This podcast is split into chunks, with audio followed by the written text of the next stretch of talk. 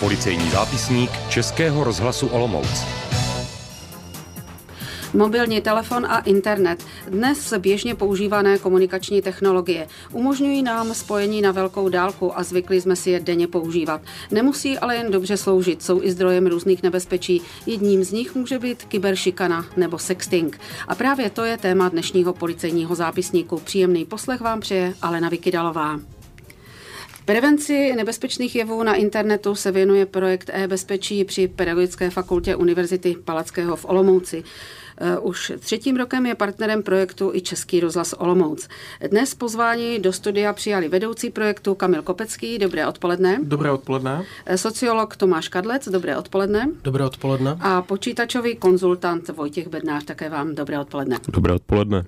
Eh, já bych začala tím, že bychom možná pro ty, kdo se dostatečně neorientují v této problematice a terminologii, eh, bylo by dobré asi vysvětlit obsah pojmu. Co tedy pod termín sexting můžeme zařadit? Tak vlastně termínem sexting označujeme šíření nejrůznějšího množství a různých forem materiálu sexuální povahy. Eh, většinou je to na tomto principu, že vlastně uživatelé sami dobrovolně šíří svoje vlastní, eh, dejme tomu, erotické materiály nebo pornografické materiály. Mohou to být fotografie, mohou to být samozřejmě i videa. A jakmile začnou být tyto materiály šířeny v prostředí například internetu, eh, tak je potom nekontrolovatelné to šíření a vlastně mohou se dostat kamkoliv. V poslední době se velice sexting rozmáhá v sociálních sítích, takže například Facebook nebo MySpace a další podobné, tak to jsou vlastně centra, kde kromě běžných fotografií ti uživatelé občas zveřejní i nějakou sexuálně laděnou, sexuálně motivovanou fotografii, kterou potom mohou samozřejmě ostatní uživatelé nejenom vidět, ale také ji stáhnout a posílat dalším lidem. Eh, tady bylo dobré taky říci, že ten sexting není pouze spojen s dospělými uživateli internetu, ale v poslední době také s dětmi. Eh, výzkumy, které prováděl tým projektu e-bezpečí na vzorcích vlastně českých dětí a ty vzorky měly rozsah přibližně 12 000 respondentů, prokázal, že přibližně 10% dětí, to znamená každé desáté dítě, je schopno posílat jiným lidem na internetu svoji vlastní buď úplně nahou nebo částečně obnaženou fotografii. A samozřejmě je zřejmé, že tyto fotografie nebo případně videa mohou být potom nejrůznějším způsobem na tom internetu zneužita.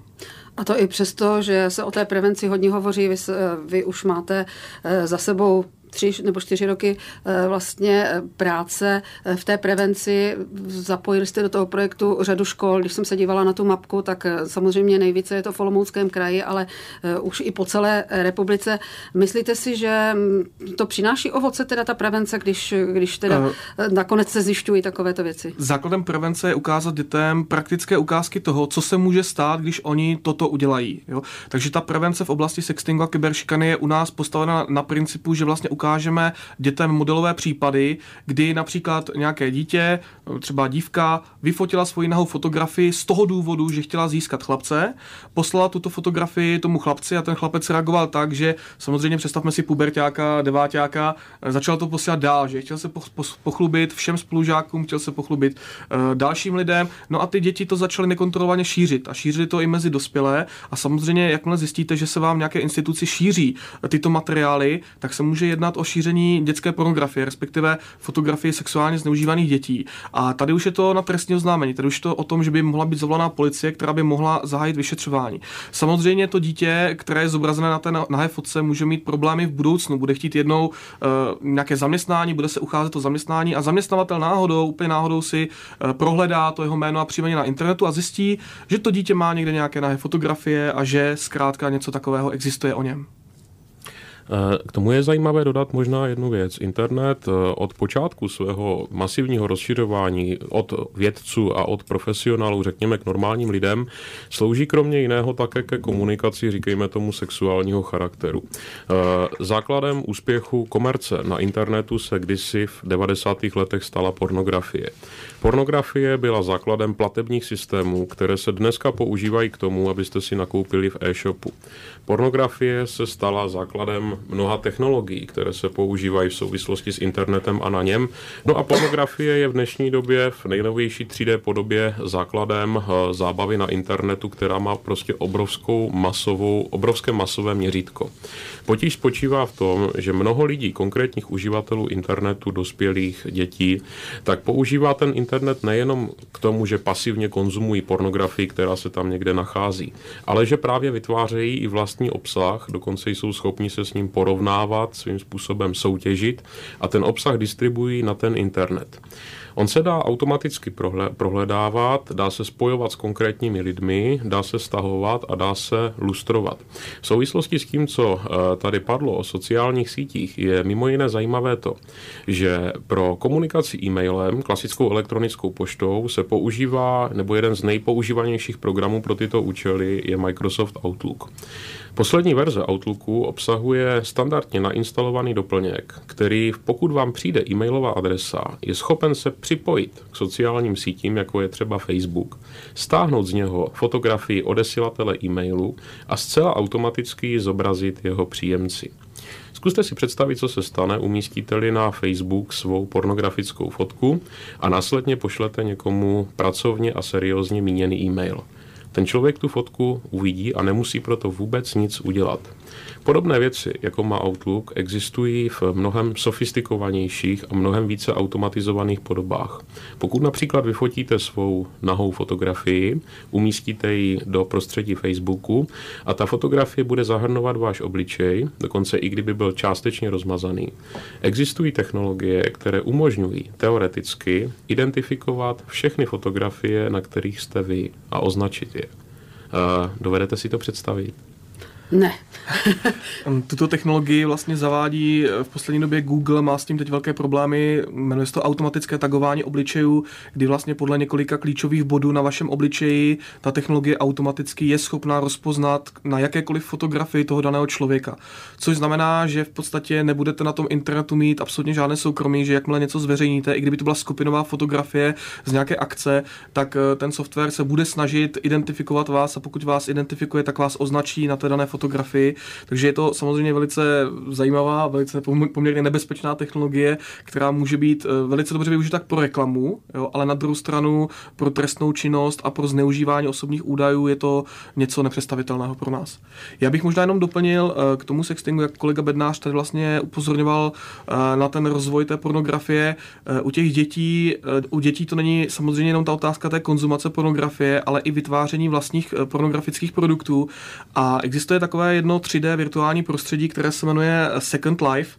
Možná to znáte, je to v podstatě takové prostředí, kde existují třírozměrné postavičky a děti tam mají svoje účty, mají tam svoje vlastní postavičky a v tomto prostředí probíhá velice často proces prodeje nahých fotografií, eh, prodeje nahých různých eh, materiálů, sexuálního obsahu, různých videoukázek a podobně, eh, s tím, že uvnitř toho prostředí Second Life existuje virtuální měna. Ta virtuální měna se jmenuje, pokud se nepletu, Linden dolary a ty Linden dolary se dají směnit za normální měnu.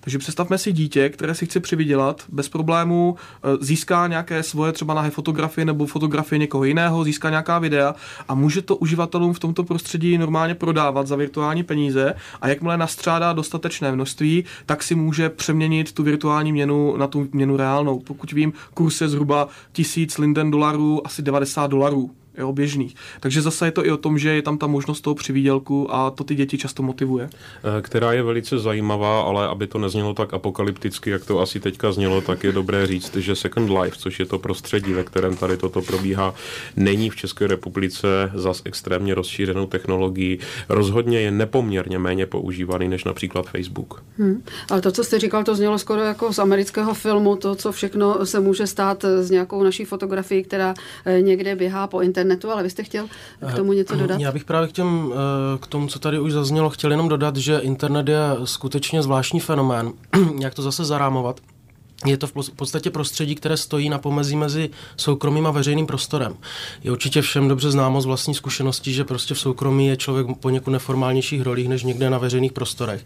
Nicméně internet vytvořil jakýsi, jakousi nekontrolovatelnou, z části nekontrolovatelnou spojnici vlastně těchto dvou, těchto dvou míst. A zároveň bych tomu chtěl dodat, že vlastně technologie eh, v současných společnostech velmi drasticky a razantně proměňují vlastně společenský život. A to tak, tak intenzivně a tak rychle, že vlastně ta společnost společnost sama si nedokáže vytvořit názory, pravidla a postoje, jak vlastně s těmito fenomény vůbec zacházet. Takže zatímco pravidla sexuální morálky pochází ještě, řekněme, z hlouby minulosti, tak ta sexualita jako taková je v současnosti úplně jiná. Takže není možno možná nadále uh, úplně jenom tak kategoricky oddělovat soukromé od veřejného, protože je jasné, že co je dneska soukromé, se může velmi lehce stát veřejným a opačně. Ono je také velice rozdílné chování lidí v reálném světě a jejich chování ve světě virtuálním, kde ztrácejí zábrany, respektive neznají zábrany v té podobě, v jaké znají ve reálném světě. Eh, zejména mladí lidé, teenageři a eh, řekněme mladší dospělí, tak jsou zvyklí hrát na internetu a v tom virtuálním prostředí úplně jiné role a úplně jinak, než eh, jsou schopni to dělat v normálním životě. Mohu vám poradit jedno velmi krátké instruktážní video, když si otevřete server YouTube, na kterém najdete největší sbírku videí na světě a zadáte do něj název Facebook versus realita. Najdete české video, které vám to ukáže velice velice pregnantním způsobem a zároveň s jistou dávkou nadsázky. Já bych možná k tomu sextingu, abychom se vrátili zpátky k tomu tématu, dodal jednu takovou dost zajímavou věc. Eh, sexting je velice úzce propojen v podstatě i s reálným vztahem dvou lidí. Eh, sexting se vlastně začal objevovat nejdříve ve Spojených státech a stal se jakýmsi územ eh, ve společenském kontaktu protilehlých pohlaví. Zkrátka, když chtěl chlapec chodit s dívkou, tak se očekávalo, že dívka mu po určité schůzce předá svoje intimní materiály. A ona tím dá vlastně najevo to, že o něj má zájem, že to opravdu myslí vážně, takže mu vlastně svěří nějaké citlivé materiály. Eh, výzkum, výzkumem se zjistilo, že přibližně 30% vztahů, eh, které jsou realizovány ve Spojených státech amerických, tak obsahují ten faktor toho sextingu, že zkrátka po té třetí, páté, sedmé schůzce přijde okamžik, kdy ta dívka musí tu intimní fotografii tomu chlapci dát. Je zajímavé, že to většinou nefunguje obráceně, že by chlapci dávali svoje nahé fotografie eh, jako dívkám.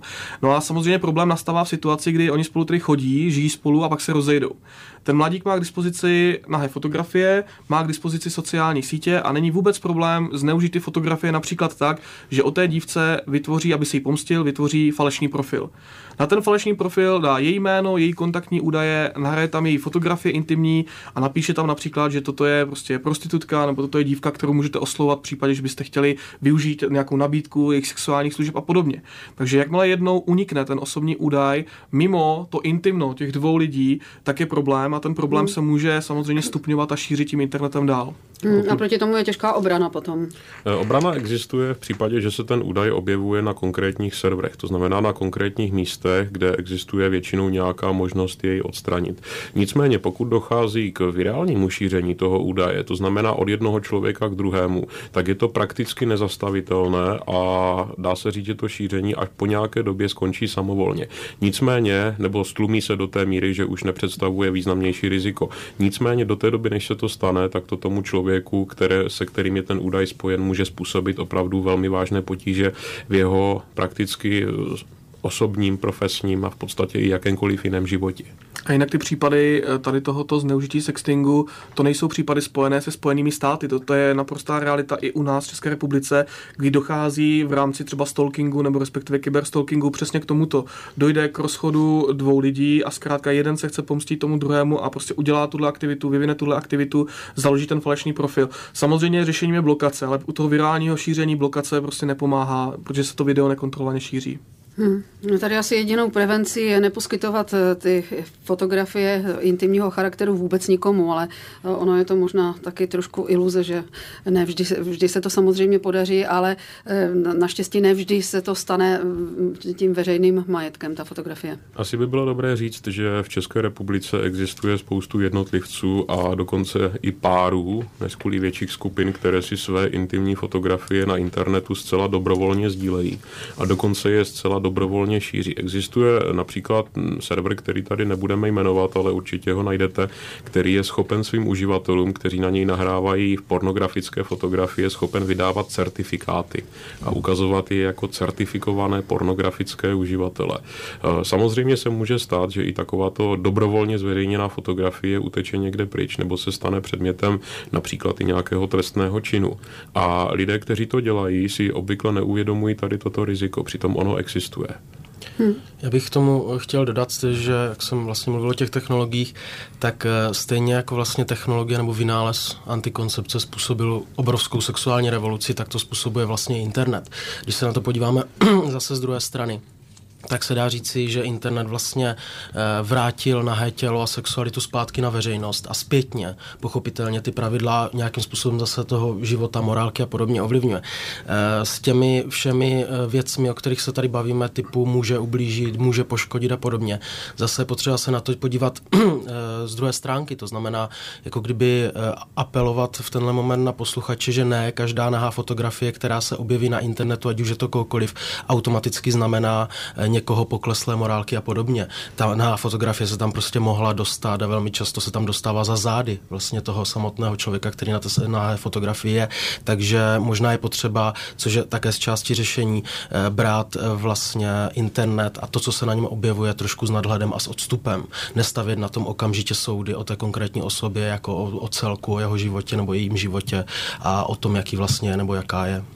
Hmm, to je právě ten rozdíl uh, mezi těmi lidmi. Někteří se dostanou uh, jaksi ne, ne z vlastní vůle a ne vlastní vinou uh, do toho kolotoče celého a někteří, um, vlastně u některých je to záměr. Já bych možná v tuto chvíli už dala možnost našim posluchačům, aby nám zavolali své dotazy či připomínky do naší besedy.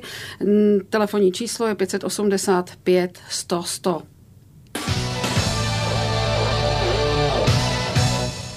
V policejním zápisníku dnes hovoříme o eh, sextingu a našimi hosty jsou um, členové projektu e-bezpečí, Kamil Kopecký, Tomáš Kadlec a Vojtěch Bednář.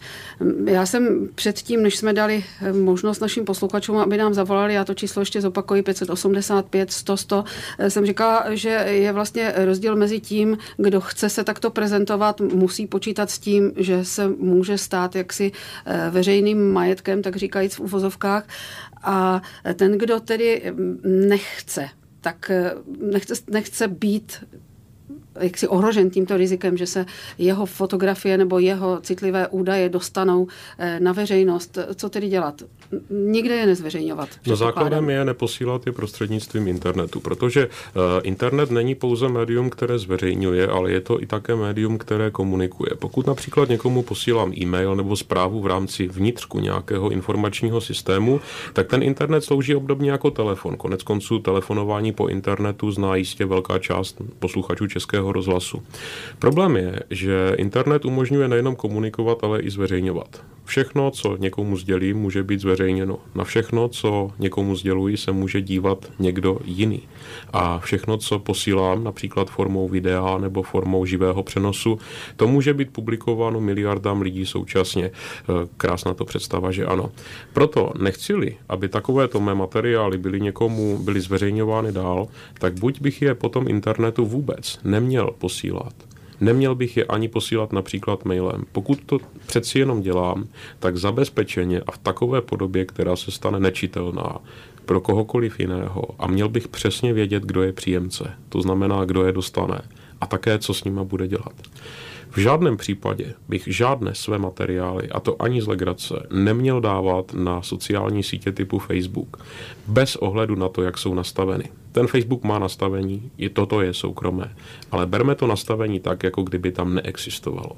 Totež platí pro veškeré diskuzní weby, totež platí pro všechny komunikační servery, totež platí pro všechny komunitní servery, totež platí pro všechny seznamky, pro všechny prodejní servery a celou řadu dalších služeb, které používáme. V případě, že přeci jenom chci své fotografie nebo své údaje někomu poskytovat, nikdy by neměly být spojeny s mým jménem a nikdy by neměly, a to je velmi důležité, být spojeny žádným způsobem s e-mailovou adresou, kterou používám. Je to prostě a jednoduše z toho důvodu, že e-mailová adresa je nejspolehlivějším identifikátorem v rámci internetu. A právě ona je to, co dokáže propojit vaši fotografii s vaší pracovní komunikací a tím vám zničit život. Pokud tak přeci jenom činím, měl bych tak činit na pouze těch serverech, pouze těch službách, ke kterým mám naprostou důvěru a mám od nich, mám na ně doporučení od lidí, které fyzicky znám. Hmm. To je minimum. Já bych doplnil možná k těm fotografiím. Tady totiž nastává velký rozdíl v tom, že internet on pouze neumožňuje šířit a publikovat fotografie, ale také samozřejmě komentovat. Uživatelé, hmm. kteří se na ně dívají, můžou přímo zasahovat a komentovat to, co vidí na té fotografii. Můžou vlastně eh, tu osobu pomlouvat, můžou ji tam různě napadat jo, a vlastně realizovat tyhle aktivity, které by, by se daly označit jako kyberšikana. To je jedna věc. A z hlediska toho Facebooku, jak kolega Bednář upozornil, eh, Facebook má velice specificky nastavené licenční podmínky. A jedno z pravidel Facebooku definuje takovou kategorii, která se jmenuje IP content, což je kategorie všechno, co nahrajete na Facebook. A tato kategorie říká, že cokoliv vy jako uživatel nahrajete na Facebook, vlastníte sice autorská práva, ale dáváte Facebooku manipulovat s tímto obsahem, jakým způsobem on chce. Dokonce vaše fotografie může být využita třeba pro reklamu, jo, což neví téměř nikdo. Vaše jo? fotografie bude využita pro reklamu, protože Facebook v současné době přechází na nový reklamní model, kdy součástí reklamy, součástí reklamních sdělení budou zcela standardně obličeje přátel. Ostatně už není to na ně můžete vidět. Nicméně v dlouhodobé perspektivě je modelem vložit reklamu přímo do uživatelské uživatelského obsahu. A to na základě velmi sofistikovaných algoritmů, které umožňují tu reklamu identifikovat. A samozřejmě... Může se ten člověk nějak bránit? Ne. Nemůže. Mm, bránit se nemůže. Tam problém je v tom, že kdyby uživatel se rozhodl, že ten obsah smaže, tak další pravidlo Facebooku říká, že i po smazání fotografie, ta fotografie stejně zůstává na serverech Facebooku po ne, v podstatě nedefinovanou dobu. To znamená, Facebook rozhoduje o tom, jak dlouho bude ta fotografie někde ležet a existují případy, kdy třeba uživatelka opustila Facebook, v, v uvozovkách se odpojila nebo smazala účet, tam existuje několik způsobů, jak se z toho Facebooku v uvozovkách dostat, takže přestala používat Facebook a za půl roku se na Facebook znova přihlásila pod stejnou e-mailovou adresou, kterou používala před tím půl rokem a během pěti minut se jí do, jeho prof, do jejího profilu nahrály všechny informace, které ona považovala dávno za smazané. Jo, takže všechny fotografie, všechny její zprávy, kompletní historie a tyto věci. Takže je potřeba si uvědomit, že proti tomuto na Facebooku není obrana.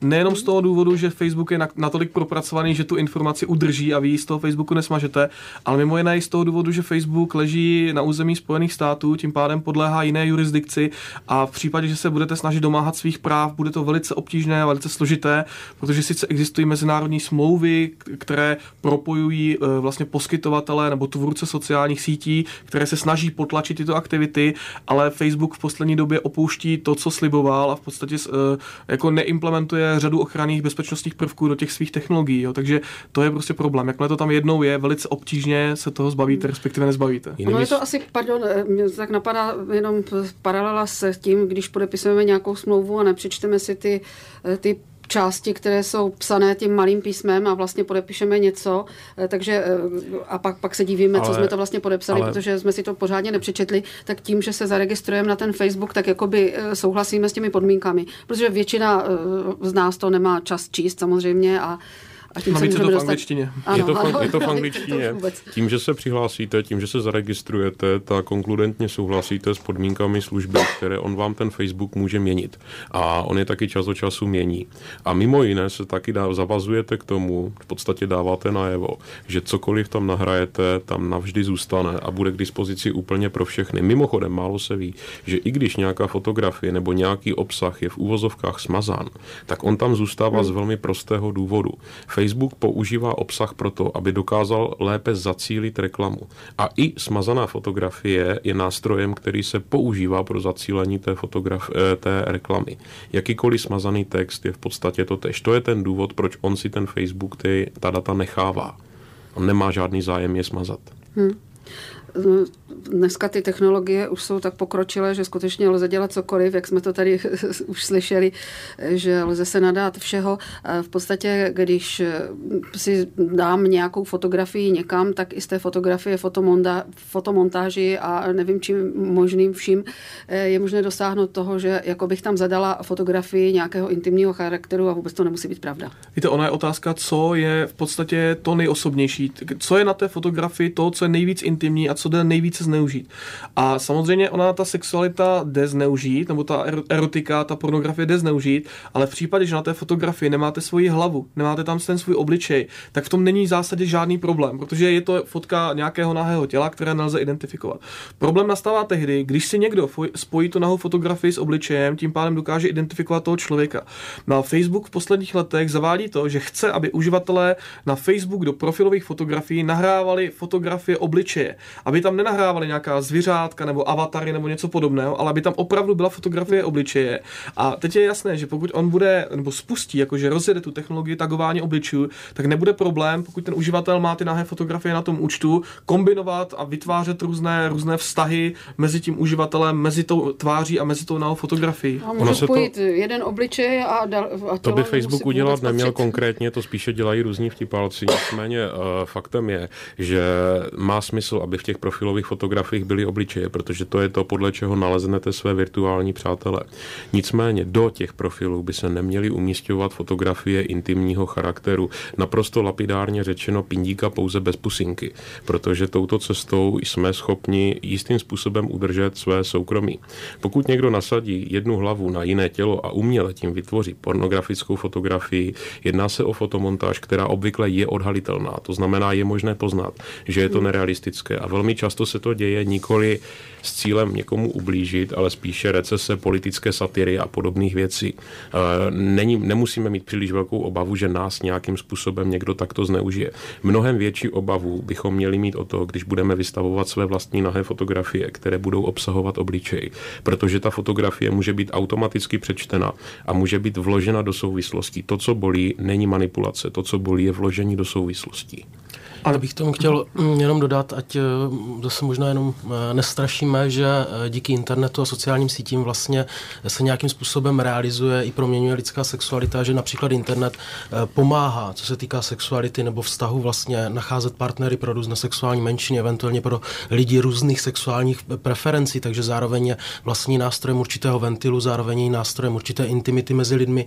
Je to jakási prodloužená ruka běžné komunikace mezi lidmi, takže určitě zase netřeba tady lidi jenom, nebo posluchače jenom strašit vlastně. A samozřejmě Facebook je nástroj, jo. musíme si uvědomit, je to nástroj a problém je v těch lidech, jo. nikoli v tom nástroji jako takovém, je to problém v tom, co s tím udělá ten, který by chtěl zneužít ten obsah.